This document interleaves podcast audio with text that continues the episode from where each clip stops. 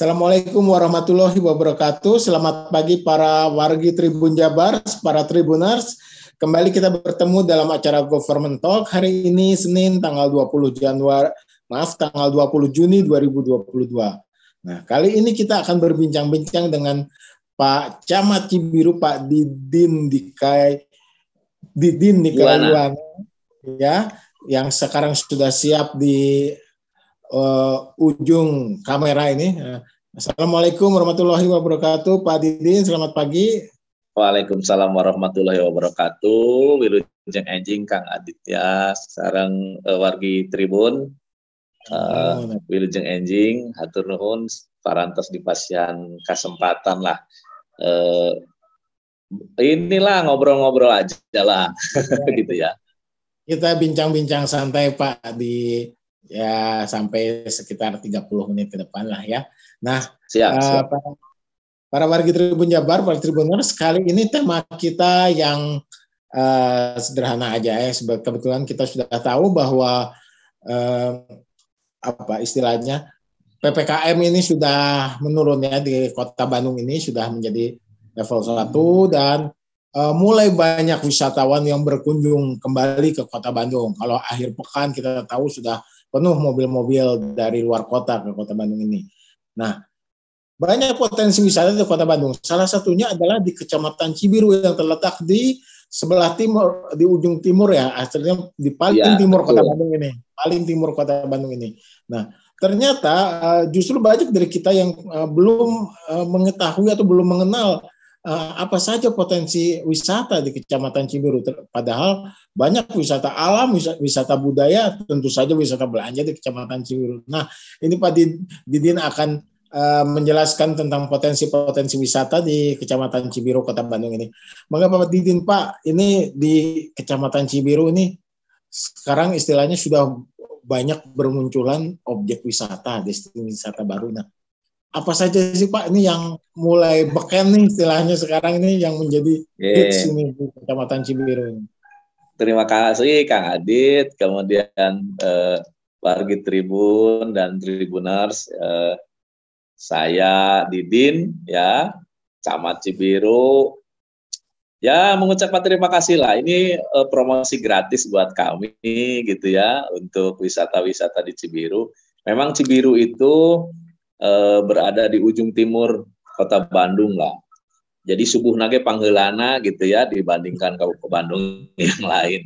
Hmm. eh, banyak sekali potensi baik eh, wisata alam maupun budaya yang ada di Cibiru karena kami itu memiliki kurang lebih 72 hektar lahan Pemkot, Pak. Yang rata-rata itu adalah RTH dan eh, sawah abadi. Sawah oh. abadi dan RTH gitu ya. Itu ya. kami sekitar 72 hektar Pak itu. Itu dikelola oleh eh, warga sebagian, kemudian ada juga sebagian yang pada saat eh, Pemkot membelinya itu masih terbengkalai sampai sekarang. Ada beberapa hmm. gitu. Tapi ada juga beberapa yang sudah didesain. Ada yang sudah didesain eh, salah satu ya ada di antaranya adalah Sain Farm. Keren kan namanya Sain Farm. Itu Sekemala Integrated Farmer. Kemarin hmm. sudah ada kegiatan selama tiga hari, masyarakat bisa melakukan apa saja e, mengenai e, apa namanya e, dari segi e, edukasi mengenai pertanian. Jadi e, pertanian yang terpadu kan. Di situ ada e, sawah, sekitar 5,8 hektar lah. Kemudian di situ ada eh, peternakan lele, sayuran, camping ground, kemudian hmm. ada kandang domba, kandang sapi, kandang ayam, kemudian eh, kandang burung, kemudian eh, sayuran-sayuran kecil, kemudian yang eh, bisa menjadi cenderamata dan lain sebagainya. Selama tiga hari kemarin juga Jumat, Sabtu, Minggu itu dipenuhi oleh pengunjung yang memang saya akui, saya mohon maaf kepada rekan-rekan yang kemarin datang ke Cibiru mengenai jalannya masih kecil, Kang, gitu ya, karena kita oh. tidak dipersiapkan. Jadi, aduh, bikin macet, warga juga ya, mohon maaf, gitu ya, event sebesar itu memang ya tidak. Awal-awalnya kan itu alami ya, alami. Jadi kami tidak mempersiapkan jalan yang luas, kemudian ya akhirnya dia di sedemikian rupa diatur saja ini apa e, arus lalu lintasnya ya gitu. Jadi kalau memang kemarin ada kemacetan tiga hari ini di, e, di Saint Farm ini ya kami mohon maaf. Tapi memang antusiasme terutama untuk anak-anak ya yang e, apa namanya yang ingin mengetahui Saint Farm lebih jauh ya memang itu di bawah e, koordinasi atau pengelolaan dinas pertanian dan ketahanan pangan kan tapi lokasinya ada di Cibiru, uh, itu sebetulnya kan taman pembibitan awalnya. Tapi karena didesain sedemikian rupa, jadi terutama ini anak-anak kan uh, banyak sekali yang ke sana dengan orang tuanya yang perlu perlu diedukasi Kang Adit bahwa yang paling penting itu buat kita adalah anak itu mengerti proses. Gitu loh. Anak itu mengerti proses, anak itu mengerti proses eh, bahwa dari sepiring nasi yang dia makan setiap pagi itu ada proses empat bulan. Itu yang paling penting. Jadi anak bisa meng, eh, dengan seperti itu anak bisa menghargai profesi orang lain anak bisa mengerti atau mem memahami eh, apa namanya memahami eh, apa namanya tidak tidak tidak tidak inilah. Artinya tidak memudahkan orang ah, menganggap sepele. Padahal itu sepiring nasi di eh, rumah itu itu prosesnya empat bulan. Itu yang paling penting. Sehingga anak bisa betul-betul menghargai profesi orang lain menghargai sesama eh, itulah sesama eh, apa namanya profesi lain lah itu ya itu yang paling penting. Nah eh, itu itu yang uh, tujuan mungkin uh, dari uh, Saint Farm ya, uh, skema integrated farming. Tapi untuk bagi yang remaja juga ada kami ini kebetulan ada uh, salah satu warga yang memiliki hutan, Pak. Hutan, hutan uh, ya, namanya Ibu Kartini. Jadi Ibu Kartini memang uh, membolehkan uh, hutan yang sekitar 6 hektar itu untuk dipergunakan trek sepeda. Jadi enduro, oh. enduro ininya, sistemnya enduro yang loncat-loncat ya. kemudian ya. bulak belok gitu loh. Uh, ya, saya ya. juga ngeri. Kalau saya udah usia kepala lima udah ngeri juga ngelihat gitu ya. Tapi anak-anak antusiasmenya luar biasa. Insya Allah tanggal 3 uh, eh, September juga 3 sampai 5 September juga ada nanti event nasional di sana. Uh, sis, uh, apa uh, dalam rangka HUT Bandung itu hmm. komunitas komunitas sepeda yang mengadakan uh, Ibu Kartini ini memang luar biasa ya. Saya sih melihatnya bahwa Ibu Kartini ini sodako oksigen melalui pohon itu kan itu 24 jam lah gitu ya. Itu yang tidak ternilai buat kami sebetulnya.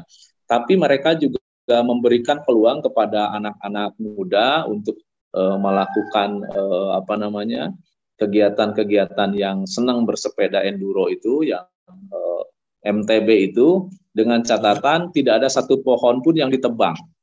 Ya, Jadi treknya itu bulak belok Kang dan orang yang nggak biasa itu ngeri lah gitu ya e, meleng dikit biasa nabrak pohon kan gitu karena memang hutannya lebat sekali hutannya lebat sekali sekitar itu dari atas apa? kenapa Pak? Itu hutan apa itu? Itu apa? kebanyakan pohon keras kan kebanyakannya itu e, pohonnya apa namanya uh, yang di, biasa di pinggir jalan itu uh, mahoni, kemudian oh. ada pohon jati juga ada, ada bermacam-macam lah. Ada sekitar 6 hektar dan kalau di treknya itu kalau bulak belok itu sekitar 2 kilo lah. Diputar-putar-putar-putar gitu. 2 kilo ya, ya. Uh, jaraknya itu. Kalau jarak tempuh sepeda itu mungkin sekitar 15 menit, 15 menit lah dari ya, titik ya. paling atas itu ke bawah ke finish itu.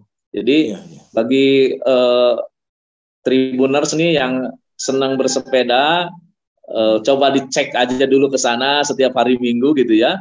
Sabtu Minggu ya. itu penuh. Sabtu itu minggu penuh bisa melihat di sana seperti apa bisa jadi bisa jadi tontonan menarik lah. bahwa eh, di Cibiru juga kota ini loh Kang, kota kok punya hal seperti ini gitu, keren loh. Gitu kan, ya. kota yang lain kan kesan kota itu ya, Kang Adit itu kan gedung tinggi, mall dan lain sebagainya. Nah, di Cibiru mah oksigen gratis yang seger mangga gitu ya. Kita makan bala-bala di sana, makan makanan juga makanan-makanan kampung lah. Insya Allah lah ya. eh, di sana bisa happy-happy gitu meskipun mohon maaf misalkan kalau jalannya masih kecil sih Kang ya dari bawahnya itu ya. Jadi nggak hmm. kalau mobil besar itu nggak mungkin bis masuk itu nggak bisa. Jadi mobil-mobil ya mobil-mobil uh, penumpang lah yang bisa itu. Nah kemudian juga ada lagi Kang selain Sain Farm kemudian ada uh, hutan Kartini ya yang tempat uh, sepeda itu enduro itu ada juga wetland park Nah, wetland park itu didesain oleh uh, Pemkot Bandung itu tadinya adalah untuk parkir air, Kang. Mengurangi uh, banjir di Giribage. Meskipun hmm. kalau memang hujannya besar, uh, itu tidak bisa nampung juga. Karena memang sekitar ada 20 kolam. Itu ya. tingginya sekitar 3 meteran lah, ada 20 kolam. Jadi air itu nggak langsung mengalir begitu saja. Tapi di kita tampung-tampung dulu di daerah sana, di daerah eh, Cisurupan itu kita tampung sehingga air tidak langsung, tidak langsung ke Gede Bage kan dari Cibiru itu jalurnya itu ke Gede Bage nanti inti ininya apanya eh, muaranya di Gede Bage gitu. Ya, ya, nah, ya, okay. ya, itu ditampung kemudian juga eh, di situ ada eh, untuk ya Instagramable lah zaman sekarang ya gitu eh, camping ground juga ada kemudian eh, bisa karena di situ ada cai seke ya eh, mata air eh, kemudian ditampung dibikinkanlah kolam ya. Kalau untuk anak-anak kecil bisa jeburan lah di sana. Hmm. dan itu semuanya free kan baik Sain Farm kemudian hutan Kartini maupun yang uh, wet Park itu semuanya free. Semuanya free tidak ada tidak ada uh, tidak apa ada namanya tiket tidak ada gitu ya, tiket masuk. masuk tidak ada tidak ada tiket ya. masuk kalau ngasih kalau ngasih parkir manggala itu Mas Aridona ada pangjagakeun ya namanya juga ya tapi tidak ada ya. sebetulnya tidak ada tidak ada ini tidak ada uh, apa namanya tidak ada tiket masuk free cuman ya bagi rekan-rekan yang senang bertualang lah gitu ya senang bertualang cocok pisan kalau uh, di wetland itu bawa aja hmm. ini baju ganti lah gitu ya. Saung-saung juga disediakan, ada nyaman, kita melihat bisa lihat marab ikan ya, ngasih dan lain sebagainya. Kegiatan-kegiatan. Jadi eh, itu airnya juga betul-betul bening karena memang keluar dari mata air langsung, kemudian ditampung eh, ada semacam dua kolam ya, mungkin sekitar tingginya 6 70 cm lah untuk anak-anak lah gitu ya di sana. Ya banyak sekali selama ini Kang Adit anak-anak eh, TK biasanya dari Dago dari mana kan ke sana hanya untuk ya eh, apa namanya tadabur alam lah gitu. Nah itu mengenai alam Kang Adit. Nah kalau berbicara budaya ini sekitar ada 83 komunitas seni budaya di Cibiru itu. Ada 83 dari mulai kendang penca, calung, reak, eh, kemudian lukis, pematung dari semua banyak sekali lah gitu.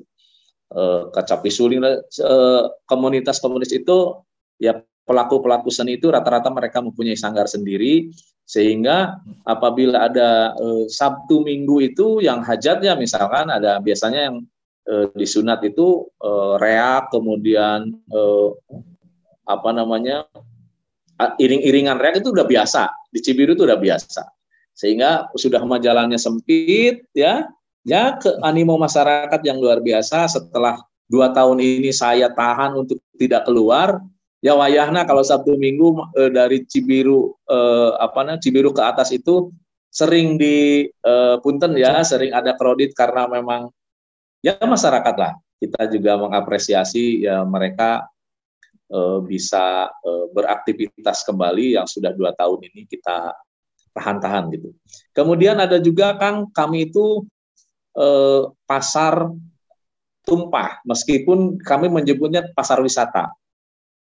Itu berawal pada saat eh, Krismon, orang-orang mulai berjualan di depan SMP 46. Makanya terkenalnya Pasar 46 gitu ya. Oh, Pasar 46 iya. itu sekitar ada sekitar 700 800 pedagang di sana dan pada umumnya adalah pedagang hasil pertanian yang dari atas Kang. Itu. Jadi oh. Cibiru itu jadi Cibiru itu ya dari geografinya itu eh, dari di bawah itu kebanyakan penduduk. Ada UIN kan, kemudian mall hmm. juga ada, eh, restoran juga ada.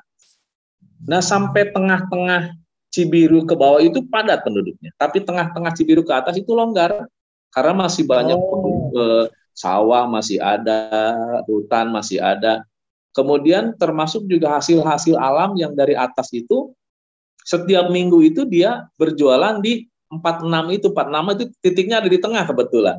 Jadi yeah. uniknya yang belanja dari bawah, yang jualan dari atas itu kebanyakan. Hmm. Tapi tidak menutup kemungkinan juga banyak yang dari luar.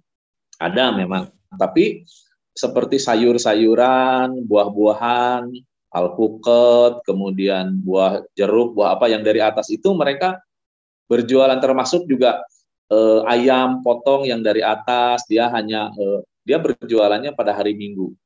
Orang awalnya jalan-jalan aja seperti di Punclut gitu awalnya. Ya, Tapi lama kelamaan ya hari Minggu itu menjadi eh, pasar. Ya kami sebagai aparat juga sebetulnya kan menggunakan menggunakan jalan itu kan nggak boleh.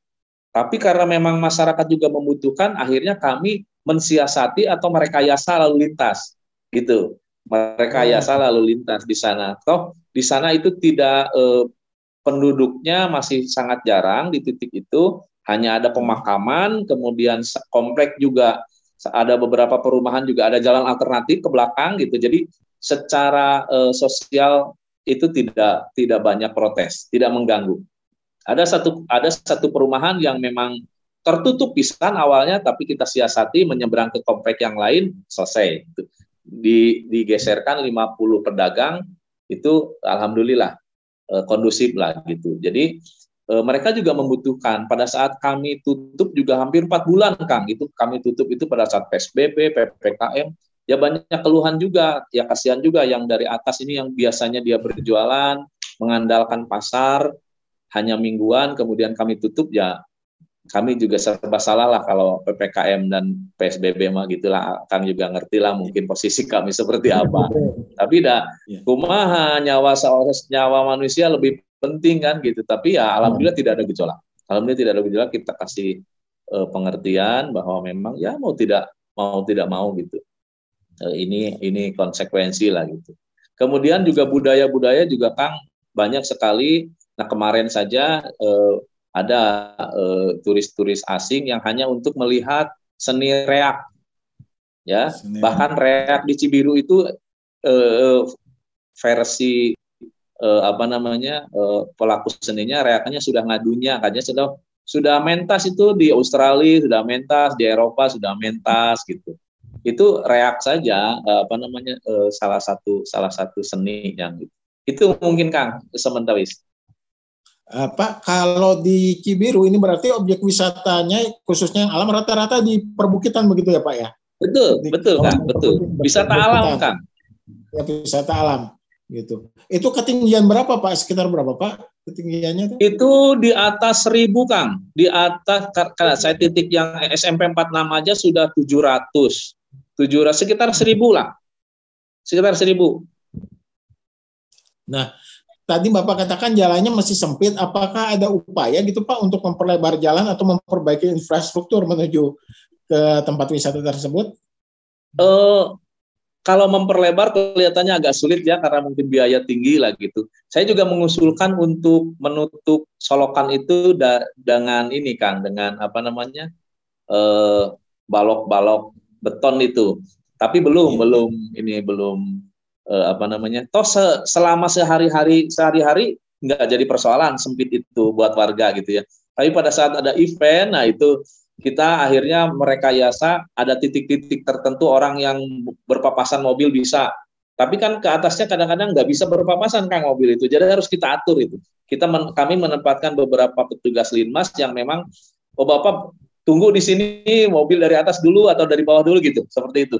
Rekayasa seperti itu yang kami bisa karena kalau melebarkan jalan juga sudah mahal Kang per meter udah berapa di eh, kawasan Cibiru ini kan eh, kos-kosan ya di bawah itu kos-kosan banyaknya tapi kalau untuk mobil-mobil kecil nggak jadi persoalan lah tapi kalau sudah elep gitu ya atau uh, apalagi Bisma udah jangan jangan nggak boleh masuk aja nggak bisa Bisma gitu nggak bisa. Hmm.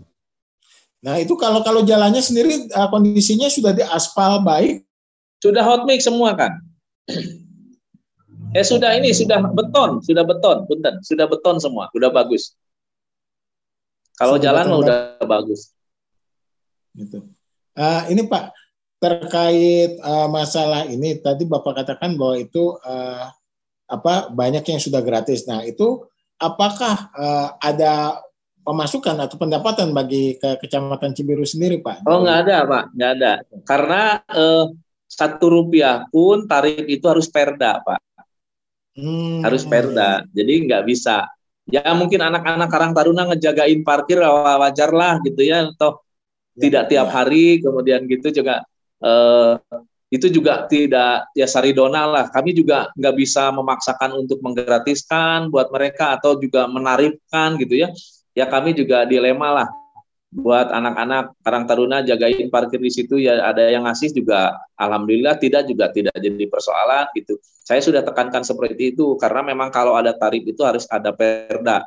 Ya mungkin juga saya mengharapkan juga dari dinas perhubungan untuk menempatkan petugas parkir misalkan di sana tapi memang karena memang eh, intensitasnya masih fluktuasi Kang hanya Sabtu Minggu Sabtu Minggu gitu ya itu juga eh, kalau ada event baru barulah kita penuh tapi kalau tidak ada event ya mungkin eh, tidak membludak seperti ada event gitu biasanya. Oke, uh, Pak ini terakhir ini uh, mungkin Bapak ada pesan-pesan Pak ini kepada wargi Tribun Jabar para Tribuners ini terkait dengan wisata di uh, Kecamatan okay. Cibiru ini Pak? Uh, wargi Jabar, Tribuner, saya tunggu uh, di Cibiru. Nggak uh, usah jauh-jauh lah. Uh, Cibiru juga banyak Instagramable, silahkan dicek nanti di ada wetland ya, dicek hmm. sampai tamu-tamu dari luar negeri juga pernah ke sana dari Venezuela, dari uh, dari uh, Bangladesh, dari pada saat ada pertukaran pemuda, nah itu oh. juga mereka mengagumi lah bahwa uh, di istilahnya di kota gitu loh, Kang. Kesan kota Bandung kan awal-awalnya kan hanya gedung sate gitu ya, gedung merdeka gitu. Pada saat ternyata kok ada kota seperti ini, mereka mengagumi seperti itu. Kemudian juga mau yang belajar pertanian, belajar beternak dan lain sebagainya, belajar perikanan, silahkan ke Sain Farm kami tunggu di sana. Kemudian yang anak-anak yang senang bersepeda gitu ya, banyak sekali karena uh, tujuan sepeda pada Sabtu Minggu itu meskipun perlu ya, perlu uh, fisik yang uh, prima karena mohon maaf juga di depan kecamatan itu dari Manisi ke atas terus depan kecamatan itu pas nanjak ada hmm. kejadian yang memang fisiknya belum siap pernah ada kejadian yang terjatuh kemudian nyawanya tidak tertolong karena pas nanjak pisan gitu ya. Kan rata-rata hmm. orang bersepeda itu eh, mencari tempat yang eh, untuk istirahat kemudian nonton di sana gitu ya. Nah, pernah kejadian di depan kecamatan kalau nggak kuat ya ada ada kontrol sendirilah. Kalau tidak kuat udah aja di loading nanti nontonnya di sana gitu. Saya sarankan seperti itu, tapi rata-rata rata-rata kuat kok banyak sekali komunitas yang setiap Sabtu Minggu itu ya oh banyak yang ke sana lah banyak yang sana kemudian di sana melihat ada enduro karena memang pada anak-anak banyak yang berlatih di sana pak itu pemandangan kota Bandung bisa terlihat juga ya pak ya? oh, ya keren pokoknya mah apalagi kalau sore kan bu udah sunsetnya udah siga iya, wah keren aja pokoknya ya keren aja pokoknya saya saya sebagai warga Cibiru dan camat Cibiru, saya sudah dari 96 tinggal di Cibiru. Banggalah punya kota punya kota yang masih punya eh, lahan seperti itu gitu loh. Hutannya masih jer apa nah udara masih jernih, sampai mohon maaf ya Kang ya kalau jam segini saya ke atas itu itu Bandung itu kelihatan kuning kan saking kotornya iya saking kotornya kan gitu. kuning oh, iya. kuning kecoklatan itu kelihatan itu oh, kalau jam ya? segini itu iya ya, ya. dari atas itu kan saya kadang-kadang kan ada acara di atas kan dari kecamatan itu sekitar 5 kilo ke atas lah dari atas itu kelihatan itu aduh Bandung sehari-hari orang-orang Bandung itu menghirup udara seperti itu ya alhamdulillah saya masih sempat uh, diberi oksigen yang bersih lah di sini gitu. Ya, ya. Mangga Tribun Jabar juga uh, apa namanya datang ke sini kalau uh, Teh Tia mungkin hafal lah. Kemarin juga ada ya. saya melihat di Saint Pam dia pasti hafal karena pada karena uh, Bandung itu Cibiru itu bagusnya itu menghadapnya ke barat Kang. Jadi pada saat matahari terbenam itu bagus. Kalau ma matahari terbit itu daerah Cileunyi nggak kelihatan kita. Ada Gunung Manglayang kan terhalang. Nah, kita berada ya, di kaki ya. Gunung Manglayang pada saat matahari terbenam itu pada keren lah pokoknya gitu. Iya. Wah, siap siap Pak. Ya, baik Pak, uh, Pak Didin atau hatur nuhun, terima kasih atas penjelasannya. Sehingga Sukses selalu untuk Tribun Jabar, hatur nuhun. Kemudian saya tunggu wargi-wargi Tribun, uh, Tribuners. Saya tunggu yang suka bersepeda, saya tunggu yang suka bawa anak-anak uh, untuk uh, jiwa petualang lah. Ayolah, jangan ke mall aja lah gitu. Bertualangnya benar-benar uh, apa namanya uh, kotor karena tanah itu lebih sehat daripada uh, udara AC yang yang ada di mall-mall saya menurut saya begitu. Kotor iya, karena betul. karena tanah itu ya, kotor karena tanah itu masih bisa dicuci itu lebih sehat lah gitu. Oke, ya. terima kasih Kang. Baik, terima kasih Pak Didin atas penjelasannya. Demikian eh, para warga Tribun Jabar, para Tribuners penjelasan tentang betapa potensi objek wisata di Kecamatan Cibiru yang masih di wilayah Kota Bandung ini. Ya, sehingga baik para tribuners, para warga Tribun Jabar bisa melongok atau bertandang ke sana untuk menikmati kesegaran alam di uh, Kota Bandung ini. Terima kasih atur nuhun Pak Didin atas kesempatan kali ini. Baik warga Tribun Jabar, para tribuners, sampai kita bertemu kembali dalam acara Government Talk di lain kesempatan. Hatur nuhun. Assalamualaikum warahmatullahi wabarakatuh. Waalaikumsalam.